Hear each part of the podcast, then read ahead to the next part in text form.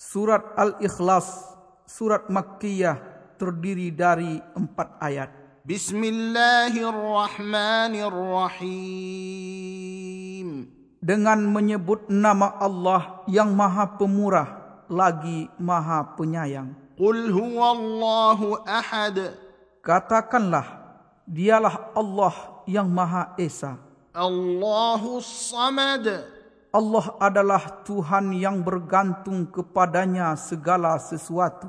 لم يلد ولم يولد Dia tiada beranak dan tiada pula diperanakkan ولم يكن له كفوا احد dan tidak ada seorang pun yang setara dengan dia.